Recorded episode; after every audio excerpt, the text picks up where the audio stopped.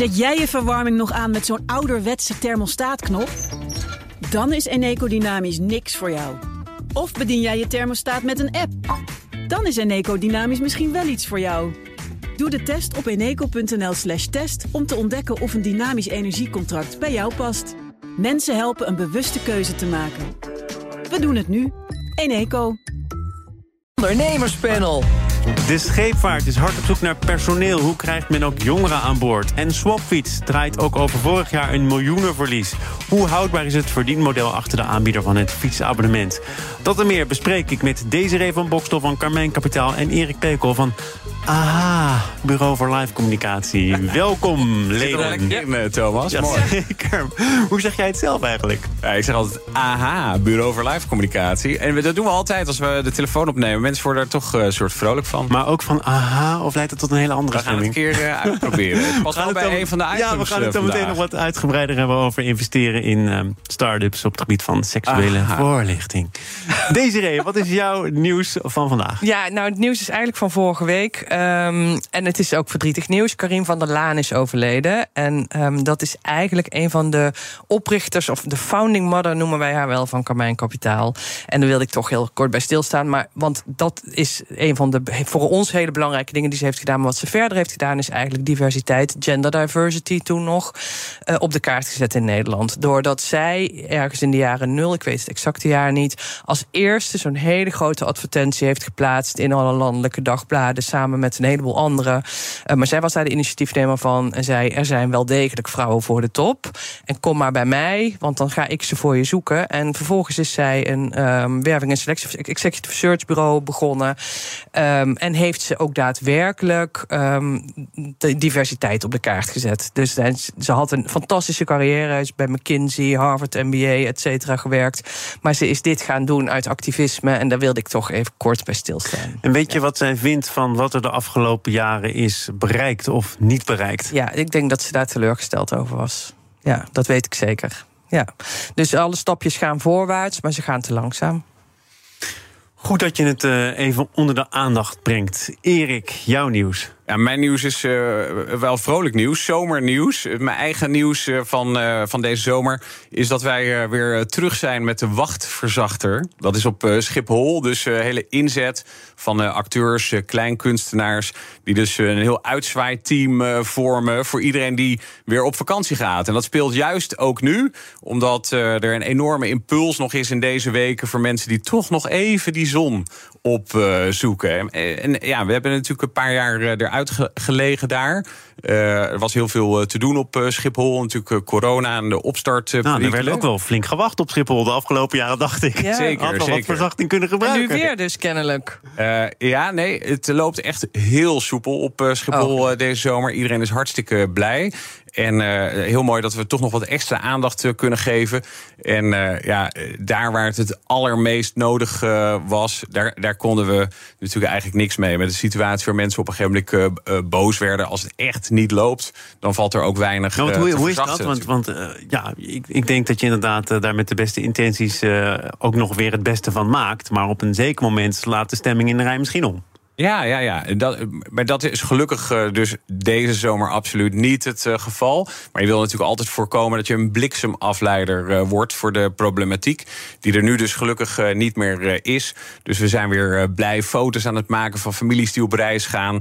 die ze meteen meekrijgen. Die gepost worden als ze dat willen als aanzichtkaart aan degene die voor hun huisdieren of voor hun bloemetjes zorgt. Echt om te zorgen dat dat vakantiegevoel al begint op het moment ja, dat je eh, gaat vertrekken nog. Maar moeten jullie niet een ander woord verzinnen dan? Want wachtverzachter heeft wat mij betreft sinds vorig jaar wel een iets andere lading gekregen. Dus Ja. dat... eh, Nou, goed, eh, goed plan. Daar ga ik eens eventjes op kouwen.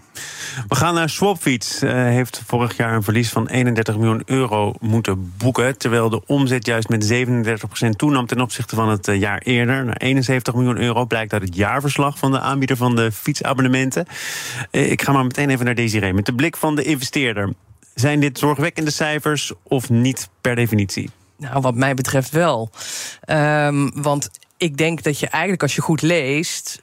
Je kan het niet helemaal zeker weten. Ik, heb er, ik ben er ingedoken. Hoe zit het businessmodel van Swapfiets nou eigenlijk in elkaar? Maar ik vraag me af of het, of het uit kan. Of dit rendabel uit kan. En dan is het een groot probleem. Waar, gaat het, waar gaat het uh, geld naartoe? Waarom kost het zoveel? Ja, nou, een groot stuk van, van de verliezen nu is gekomen door het feit dat kennelijk 44% van de fietsen niet terugkomt. Die liggen in de gracht of die worden niet ingeleverd, et cetera. En dan zijn er wanbetalers, wat natuurlijk ook een beetje inherent is aan het businessmodel. Want als jij mensen hebt die niet de fiets willen kopen, maar willen huren, dan heb je waarschijnlijk ook wat een groter aandeel wanbetalers. die post, daar hou je rekening mee, denk ik, toch? Dat het nooit 100% mee, maar is. Ik denk dat het ze enorm zal zijn tegengevallen. Dat moet bijna wel. Dat dit toch veel ernstiger is dan ze ooit op een achterkant van een sigarendoosje hebben uitgerekend. Denk maar dat, dat percentage van die 44 procent dat is denk ik wel iets om een beetje van te schrikken, toch? Ja, dat, is, dat, dat lijkt me dramatisch. Dat betekent dat ik denk, vermoedelijk zal die prijs keer twee moeten, die huurprijs. Ja, als je kijkt, uh, want ik heb het even uitgerekend, wat ze nu dus bijstorten aan fietsen die verloren gaan, waar niet voor betaald uh, wordt, dan is dat 25% van hun uh, omzet. Dus ja, ik denk altijd wel, gelukkig kunnen de gebruikers van swapfietsen niet zo heel goed rekenen. Want anders zou je het nooit doen. Hè? Dan zou je gewoon een fiets kopen. Want een tweedehands fiets die heb je eigenlijk in één jaar al uh, terugverdiend. Als je dat vergelijkt. Ja, het, moet je wel zelf een band Het gehalte elektrisch neemt wel toe, hè? ook onder swaprijders. En dan wordt het misschien wel duurder. Zeker, maar ik neem aan dat ze die fietsen... want die, de marktwaarde van één zo'n fiets verloren is echt gigantisch... dat ze die wel echt handhaven. Want wat mij echt verbaast, is dat je zou natuurlijk denken... Uh, als jij een fiets van mij uh, huurt of in gebruik neemt, dat we een duidelijke afspraak maken. En die afspraken worden natuurlijk uh, gemaakt. Hè? Als je niet betaalt, uh, dan uh, gaan we dat incasseren. Als je hem kwijtraakt, of als die in een gracht belandt, op wat voor manier dan ook, ja, dan ga je wel wat betalen. Daar maak je gewoon afspraken over. Maar de oplossing is dus, denk ik, dat de swap gebruiker die kan eigenlijk niet rekenen. Die betaalt nu 20 euro. Dus blijkbaar kost het 25 procent aan, aan derving. Nou, dan verhoog je het tarief met 25% naar 25 euro in de maand. En ik denk uh, dat, de, dat de meeste gebruikers daar dan nog steeds, nog steeds gewoon ja. voor zullen gaan. Maar misschien ook wel omdat de meeste studenten op het moment dat dat geld geïnd moet worden, alweer twee studentenhuizen verder zijn. En dus dit, dat wordt niet meer geïnd, denk ik. Dat is het grote probleem volgens mij. Dat... Maar er, er, wordt ook gezegd dat een deel van de aantrekkingskracht van Swapfiets zit in uh, de duurzaamheid. Uh, hoe kan het dan dat uh, degene die dat abonnement afsluiten... er toch niet bepaald uh, zorgvuldig mee omgaan? Ja. Ik bedoel, uh, als het zo is dat je liever een fiets deelt dan dat je er een koopt... Ja. snap ik dat, maar dat verhaal gaat natuurlijk niet meer op... op het moment dat je ehm, hem kapot maakt... of per ongeluk of niet per ongeluk in de gracht laat belanden. Nou ja, duidelijk is dat Swapfiets dus niet handhaaft op de afspraken die er ongetwijfeld wel onder die huurovereenkomst liggen. Hè? Dus als je het kwijt bent en je wordt heel hard erop aangepakt. Uh, dan spreekt zich dat natuurlijk snel rond. En als dat dus helemaal niet gebeurt, waar het op lijkt, ja, dan, dan werk je die laksigheid als merk natuurlijk ook wel een beetje in de hand. Het is wel mooi dat je daardoor ook heel uh, sympathiek uh, bent. Het is natuurlijk heel knap. Dit is door, drie Delse studenten in 2014 pas gestart. En nu 72 miljoen per jaar omzet. Dat is ja, met dank en opgeteld 100 miljoen uh, verlies natuurlijk. Ja, Japon zit er natuurlijk groot met, met dank in aan heel veel geld natuurlijk. Dus er is ook nog eens een keer heel veel markt gekocht. En ik vraag me toch ook een beetje af of het niet een soort hype is. Weet je, we hebben natuurlijk ook uh, de, de flitsbezorgers gehad. Dat, die hype is eigenlijk alweer voorbij, zien nou, we. Maar die hype eh, die is van later datum en ook sneller voorbij. Ja, Wat snap Erik ik, zegt, snap klopt, ik. klopt, klopt ook. Hè. Je kunt ook zeggen, ze zijn gestaag gegroeid in Nederland. Uh, moeten nu wel weer rechtsomkeerd maken, geloof in Italië. Hè? Ja, nee, maar ik denk ook dat ze wat dat betreft ook wel een mooi model hebben. En het is ook duurzaam. Maar er zijn misschien ook heel veel klanten aangehaakt die achteraf gezien toch wel zeggen: ja, ik heb dat wel gedaan, maar ik koop nu wel weer gewoon voor 150 euro een fiets. En dan laat ik mijn band plakken bij de man op de hoek. Ja, dat. Ja, of je leert het zelf, hè? want het is echt uh, meestal ja, zo nou. Ja. Test je een beetje pech Die sla ik over, maar ja. Eh, ja. Nog even een, een, een, blik op de toekomst gericht. PON heeft bijgestort, niet voor het eerst, hè, de grote aandeelhouder. Ook verantwoordelijk voor de fiets overigens. Dus misschien is het ook wel gewoon een belang om dat allemaal een beetje in stand te houden. zelf zegt Swapfiets dat het verlies dit jaar minder zal zijn. En ik geloof 2024 zelfs richting winstgevend. Is uh, nu ook uh, ja, geconfronteerd met uh, de veranderende mode bij aandeelhouders, investeerders? Dat, dat het niet meer alleen gaat om groeien En dat er dan een verlies resulteert, dat zal wel. Maar met de nieuwe wetten namelijk winstgevendheid doet ertoe. Ja, dat denk ik wel. Dat, dat is ook wel duidelijk blijkt. Maar dat is ook wat je wil natuurlijk. En het, het mooie is dat nu dus 270.000 mensen zo'n abonnement uh, hebben. En die betalen dus elke maand 20 euro of nog meer... als ze voor die elektrische optie of voor de luxefiets uh, gaan. Ja, dat is natuurlijk wel een geweldige basis. Dus als je die beslissing moet maken van storten we bij of uh, gaan we kijken of we het kunnen verkopen? Gaan we kijken of we er uh, mee kunnen stoppen? Ja, dan denk ik dat, dat zo'n basis wel een enorme impuls ook geeft. Dat je ziet dat dat nog steeds groeit. Dat er nog steeds uh, mensen bij komen. Dat er landen bij komen. Nou ja, maar er komen landen bij. Italië ja, dan. Nou ja, oké, okay, dat was verantwoordelijk geloof voor drie ton in de omzet. Ze Ja. stoppen ook met de elektrische scooters. Maar op 72 miljoen, hè, dus dan is die drie ton. eh, kan ik me voorstellen dat je bijvoorbeeld ziet dat in Italië mensen eh, meer houden van fietsen als sport. Hè. Dus in Italië zie je heel veel mannen op racefietsen, vrouwen ook. Maar daar is het voor volwassenen niet een manier nog om je te verplaatsen. Hoewel dat wel in een heel snel tempo, vooral in Noord-Italië, aan het veranderen is nu. Maar ja, blijkbaar gaat het niet hard genoeg. Ja, maar de tijd van nieuwe avonturen die is dus even voorbij. Ja, dat denk ik wel. Ze zijn natuurlijk inderdaad bezig om te zorgen dat ze onderaan de streep geld verdienen. Dat het businessmodel gewoon weer klopt. Want dat bleek dus gewoon niet te kloppen, denk ik. Hoe, hoe En denk jij dat het gesteld staat eh, met het geduld van POM? Ja, Pon zal weinig keuze hebben. Die, die kunnen ook wel wat hebben natuurlijk. Dus ehm, die zullen gewoon wel weer bijstorten, neem ik aan. En anders komt er... De, ik denk wel dat dat, dat hele halleluja van eh, groeibedrijven, unicorns... die nooit winst hoeven maken, dat dat inderdaad een beetje voorbij is. Maar ik denk, godzijdank dat dat voorbij is. Maar ik denk dat er ook altijd nog wel weer investeerders zijn...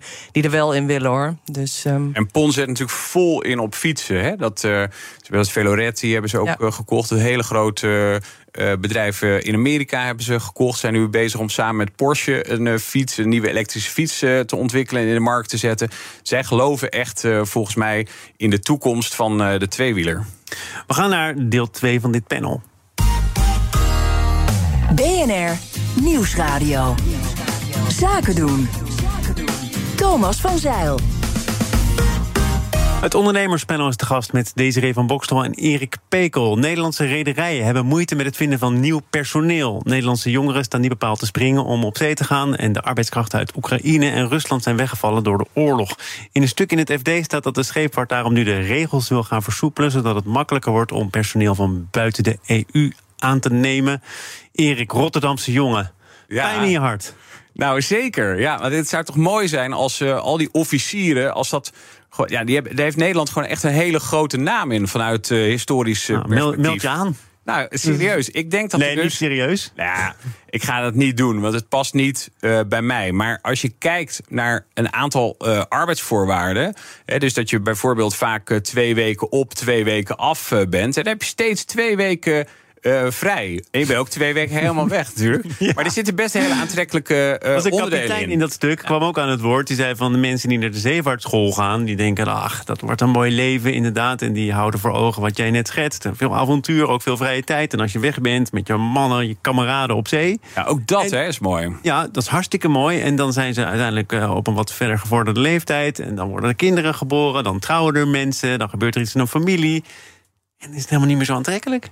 Nee, maar dat is natuurlijk wel een heel modern en ook wel een beetje verwend eh, perspectief. En het zou natuurlijk jammer zijn. Want je ziet al dat eh, eh, in de bemanning. dat, dat zijn bijna alleen maar Filipijnen die overal varen. Het zou natuurlijk heel jammer zijn als die hele Nederlandse scheepvaarttraditie langzaamaan verloren gaat. Ik denk dat het vooral te maken heeft met de zichtbaarheid. Hè? Dus maar mensen die, die, die, op zee- mensen die niet op zee willen, die zijn eigenlijk verwend. Die horen iets te veel bij een modern frame over hoe werk en privé samen moeten gaan.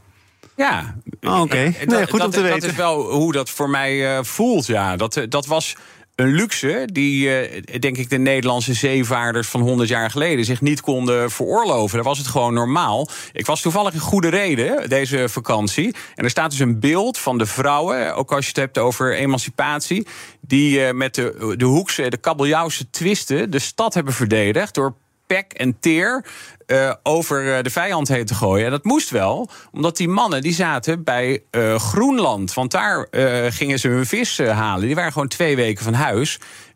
keer op keer. En dan weer twee weken thuis. En dan vaarden ze weer uit. En dan was het ook best gebruikelijk in die tijd dat er schepen niet terugkeerden. Maar die luxe om te zeggen van nou, we gaan niet meer het water op, want dan missen we de bruiloft eh, van die en die. En dat zijn toch zulke leuke vrienden, of dat is toch familie. Nou, dat konden mensen zich echt niet uh, permitteren. dus het is wel een beetje verwend. Nou ja, kijk, vroeger kon, uh, kon op, op, dat moment kon ook de, de, hoe noem je dat, de piloot van een Boeing 7, zoveel 7, ik weet niet meer hoe ze toen heten, kon ook gewoon twee weken weg. Dat was ook toen nog zo natuurlijk. En dan bleven die vrouwen lekker thuis, inderdaad. Maar die wereld is natuurlijk volledig veranderd. En ik denk dat die hele zeevaart daar nauwelijks mee is gegaan. Volgens mij is er niemand meer die erop zit te wachten om een carrière überhaupt ergens te volbrengen voor 40 jaar. Dus ik denk dat je mensen moet werven die dit 10, 15 jaar doen. Tot ze 35 zijn en aan die kinderen gaan beginnen. En dan, kunnen ze dan, dan zouden ze door moeten kunnen groeien naar een baan aan wal. Of met minder weg. Of weet ik veel wat. Het is volgens mij al. Maar als, als, het zo is dat als je zegt uh, het is uh, niet gemoderniseerd, bijna niemand zit erop te wachten. Dan, dan zou je kunnen zeggen, als er dan wordt gepoogd om de wetgeving te versoepelen om uh, toch meer mensen te werven, ook voor Nederlandse rederijen. Mensen staan op de banken, juichen het toe. Maar dan is er een Nederlandse vakbond voor personeel hier. Die zegt, nou, maar luister eens, uh, eigenlijk die is er... staan er ook niet om te springen, want nee, die worden dan bedreigd. Ja, ja maar zoveel zijn er dus niet. Want uh, zij zeggen tegelijkertijd, uh, als er een vergunning op dit moment speelt... dan wordt die eigenlijk meestal wel toegekend. Dus waarom zou je dan tegen die wetgeving zijn? Nou ja, ik snap eigenlijk ook echt niet waarom ze tegen die wetgeving zijn. Die wetgeving moet dus mogelijk maken dat er, dat er makkelijker... buitenlandse mensen in Nederland kunnen werken in deze sector. Sowieso hebben we voor de goede orde vrouwen werken überhaupt al nauwelijks aan boord van die bo boten. Dus de helft van de werkzame bevolking sluit wel uit op 3% na van die vrouwen. Um, dus ja, je zal toch iets moeten. Ik snap echt werk. Ik vind dat, dat vind ik nou arrogant verwend gedrag. Dat je zegt als, als, als vakbond: nee, we gaan dit beschermen. Waar komt dat vandaan? Dat doen we toch ook niet met alle andere banen in Nederland? Is dat ook verwend gedrag, Erik? Ja, ik denk dat het ook niet houdbaar uh, is. Hè. Kijk, die rederijen die moeten natuurlijk toch door. Dus als er uh, niemand is die die posities uh, kan bekleden, dan uiteindelijk worden er natuurlijk regels aangepast om ervoor te zorgen dat dat wel kan. Of worden dit soort vergunningen, die dus nooit geweigerd worden, in grotere mate verstrekt. Ja, dat lijkt me allemaal logisch. wat tegelijkertijd wel mooi is, als dus vanuit die sector en misschien wel met die vakbond in de lead, wat er aan gedaan wordt aan de zichtbaarheid van uh, dat vak. Want uh, jij zei ook, ik, ik woon in Rotterdam, maar daar zie je dus niemand meer uit de haven in de stad. Want die, die haven is inmiddels 45 minuten rijden uit het centrum verplaatst. Dus het is echt niet meer zichtbaar, deze beroepsgroep. En, ik, ik, ja, en de helft van de tijd zijn ze er niet natuurlijk. Dat nee, scheelt ook. En, het mooie is... er zijn er anderen in Nederland ja, hè, die met hun schip in... ja, ja, want die, die zijn dan toch die twee weken af. Dus vraag die dan om ergens een leuk verhaal te vertellen. Vraag die dan om als je aan het werk zijn daar toffe filmpjes van te maken. Want ik begreep dat er dus een kapitein is die dat uh, doet. Joep, op Joep Tube. Nou, ik heb ook even gekeken. Het zijn echt spectaculaire beelden. En zo maak je dat vak natuurlijk heel uh, uh, aantrekkelijk. Want je had ook dat programma The Deadliest Catch. Weet je nog? Dan zie je, wat je ook zegt, dat noesten. met die, met die gemeenschap, met die mannen onder elkaar. Het, het is wel kicken. Ja, maar ik, denk, ik was nou, op ja, Greenpeace. probleem. De Esperanza. Daar weet je toch niet bij horen, zegt deze Nou, ik, ik denk wel, ik realiseer me wel dat er ook een cultureel issue gewoon is. Weet je, we doen net alsof dat een hele leuke VOC-mentaliteit. Uh, uh, beladen worden, deze reden. Ja, precies. Nou, dat denk ik dus oh. ook. Ik denk dat het heel beladen is. Ik weet niet of jullie mensen kennen, vrouwen kennen die lang op schepen hebben gezeten. Ik ken ze wel. Ik heb vriendinnen. Nou, dat is geen feest, kan ik je vertellen. En ik denk dat heel veel mannen dat misschien ook niet zo'n groot feest vinden om in die enorme masculine. Weet je, bescherm dat niet. Ik, ik denk dat het heel dom is om te doen alsof dat die cultuur moet. We gaan naar andere culturele patronen. Ja. Durfinvesteerders die deinzen terug als het gaat uh, om seks. Kinky, dat is een app die jongeren seksuele voorlichting moet geven, worstelt met het vinden van investeerders. Het FD schreef over een uh, bijeenkomst waarin de founders op zoek waren naar geld. Um, maar animo onder investeerders was er eigenlijk niet of nauwelijks. En Kinky, voor de mensen die de app niet hebben, dat is een samenvoeging van Kinky, zoals we Kinky kennen, en Cute. Um, je kunt dus eigenlijk alle kanten op. Je kunt het zo wild maken als je zelf wil. Je kunt voorlichting krijgen, maar je kunt er ook, als je wat stoutere fantasie hebt, aan je trekken komen. Um, ja, Jij hebt je echt goed voorbereid, ja. uh, Thomas. Je hebt echt die hele app nee, uh, hij bestaat nog uitgeprobeerd. Niet Desiree, uh, ik kan me zo goed voorbereiden als ik wil, maar ik ben geen investeerder. Jij wel. Er kwam in het stuk een investeerder aan het woord. Die zei, ja, je, je kunt het ook mental health tech noemen. dan wordt het toch wat minder discutabel allemaal voor investeerders. Waarom die terughoudendheid? Ja, dat is toch ook gewoon iets heel commercieels, denk ik. Uiteindelijk heb je als investeerder weer investeerders achter je. Er zijn allerlei partijen die jouw geld toevertrouwen. Van een deel mag porno bijvoorbeeld niet. Dus dat is relevant. Want als hier porno in zit in die app, dan mag het gewoon niet. En voor een deel weten we gewoon dat mensen het niet zo leuk vinden als we daarin gaan investeren. Dus ja, wat doe je dan? Dan kies je een beetje eieren voor je geld. Dus misschien love. Maar dan. Jullie zouden het dus ook niet doen. Nou, wij hebben ooit één keer naar zo'n Second Love-achtig uh, platform gekeken. En dat, dat was meteen duidelijk dat we daar heus wel voorstanders voor hadden, maar meer tegenstanders. En en dat, dat is omdat? Omdat het toch gewoon. Nou, het heeft ook een beetje met reputatie te maken. Weet je, wil je daarmee geassocieerd worden? Nou, jullie, hebben, jullie hebben misschien de, app niet bekeken, maar wel eh, de teksten gelezen van uh, de founder. En die zegt: Nou, ik richt me op een uh, nieuwe generatie. Een generatie die ook seksuele voorlichting hoort te genieten. Nou, dat gaat niet meer via de ouderwetse boekjes. Je kunt het ook beter niet leren via een pornofilm, want dat schetst ook een vreemd beeld van de werkelijkheid. Weet je wat? Wij bieden het aan op een manier die voor een hele generatie misschien wel aantrekkelijk is. Dan zou je nog bijna kunnen stellen: dit lost een maatschappelijk probleem op. Ja, nou en dat vind ik ook wel, dat zou je ook als je, hè, dat moet je ook serieus afwegen, ook als investeerder, denk ik. Dus dat doe je ook. Hè. Je weegt af, gaan we hier de reputatieschade mee oplopen? Vindt ons achterban dit leuk, ja of nee? Maar je weegt ook af, denken we dat het een interessant businessmodel is, natuurlijk, of een interessant concept is. En daar heb ik persoonlijk ook wel wat twijfels bij. Want ja, als je voor op Gen Z gaat, gaat richten, die zitten op TikTok de hele dag, betekent dus dat je heel groot moet worden op TikTok. Je mag liever adverteren, geloof ik, hè? Op nee, dat soort platforms. Ja, ook nog. Dus ja, hoe ga je dat doen? Dat, dat is een onbewezen model. Dus dat is altijd best wel moeilijk, ah. natuurlijk. Nee, dan de wapenindustrie liever, toch? Nou ja, daar, veel, sommige beleggers zeggen nu dat het weer in de mode. Ja, je, moet je, ziet, meer in worden geïnvesteerd. Je ziet daar wel een parallel. Dus eh, voor de Oekraïne-oorlog was het echt absoluut eh, not done om überhaupt te praten over investeren in uh, wapenindustrie. En tegenwoordig zie je dat dat echt wel weer gekanteld is. Dat daar een discussie ontstaat waarbij uh, landen, maar ook investeerders uh, zeggen van ja, je ziet wel dat er behoefte is aan goede wapens. Want als je dat niet zou hebben of in onvoldoende mate, ja, dan kun je niet je standpunt uh, verdedigen. Dan uh, verlies je volledig je machtspositie. het is natuurlijk geen vergelijk met die uh, app rondom seksuele voorlichting. Maar het een, daar wordt dus omheen gelopen. En het ander, daarvan wordt gezegd... nou, kijk er toch nog eens even goed naar. Want het is van groot belang. Ja, heeft ook een ethische component in zich. Absoluut. En ik denk dat de tweespalt...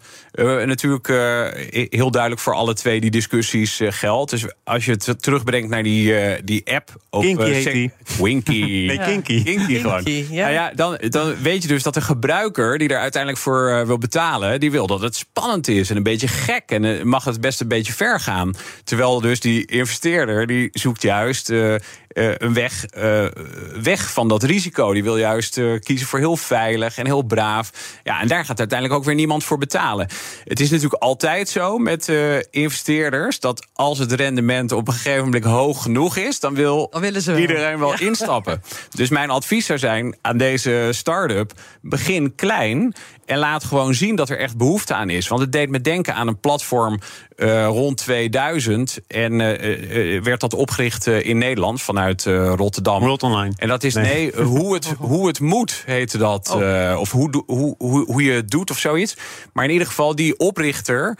die maakte dus ook op seksuele voorlichting een heel webplatform. en daar moesten dus jongeren een sms'je sturen om toegang te krijgen tot die content. En in de eerste weken hebben ze 33.000 van die betalingen ontvangen. En dat was dus wel een duidelijk teken dat er behoefte uh, aan is. Gewoon onomwonden met uh, expliciete filmpjes. Lieten ze dus aan jongeren zien hoe het moet. En dan niet als porno, maar als instructie van... hey, let hierop, let daarop. Check even met je partner of die dit ook uh, prettig vindt. En TMF heeft zich daar toen als mediapartner... later volgens mij ook als eigenaar aan uh, verbonden. De Music dus Factory, de muziekzender. Ja, dus ja, is er inmiddels niet meer. Nee, precies. Maar dat is, dat is verdwenen in MTV. En voor deze start-up zou MTV ook een hele aantrekkelijke partner uh, kunnen zijn. Misschien niet als investeerder, maar als media. het is misschien toch haalbaar. Ja, nee, ja, maar ik denk dat je helemaal gelijk hebt. Ze moeten gewoon lekker klein beginnen en laten zien dat. Want het is natuurlijk een marketingverhaal. Hè.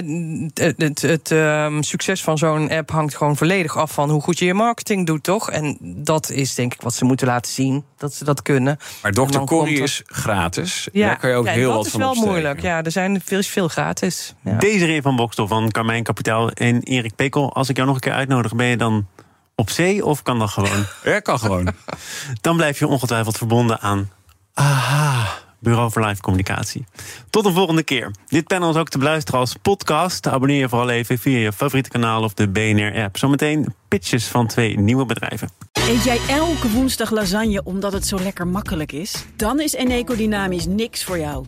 Maar kook jij het liefst elke keer wat anders met het risico dat ze zeggen... Ja, dag, dat gaan we echt niet eten. Dan is Eneco Dynamisch misschien wel iets voor jou. Doe de test op eneco.nl slash test om te ontdekken of een dynamisch energiecontract bij jou past. Mensen helpen een bewuste keuze te maken. We doen het nu. Eneco.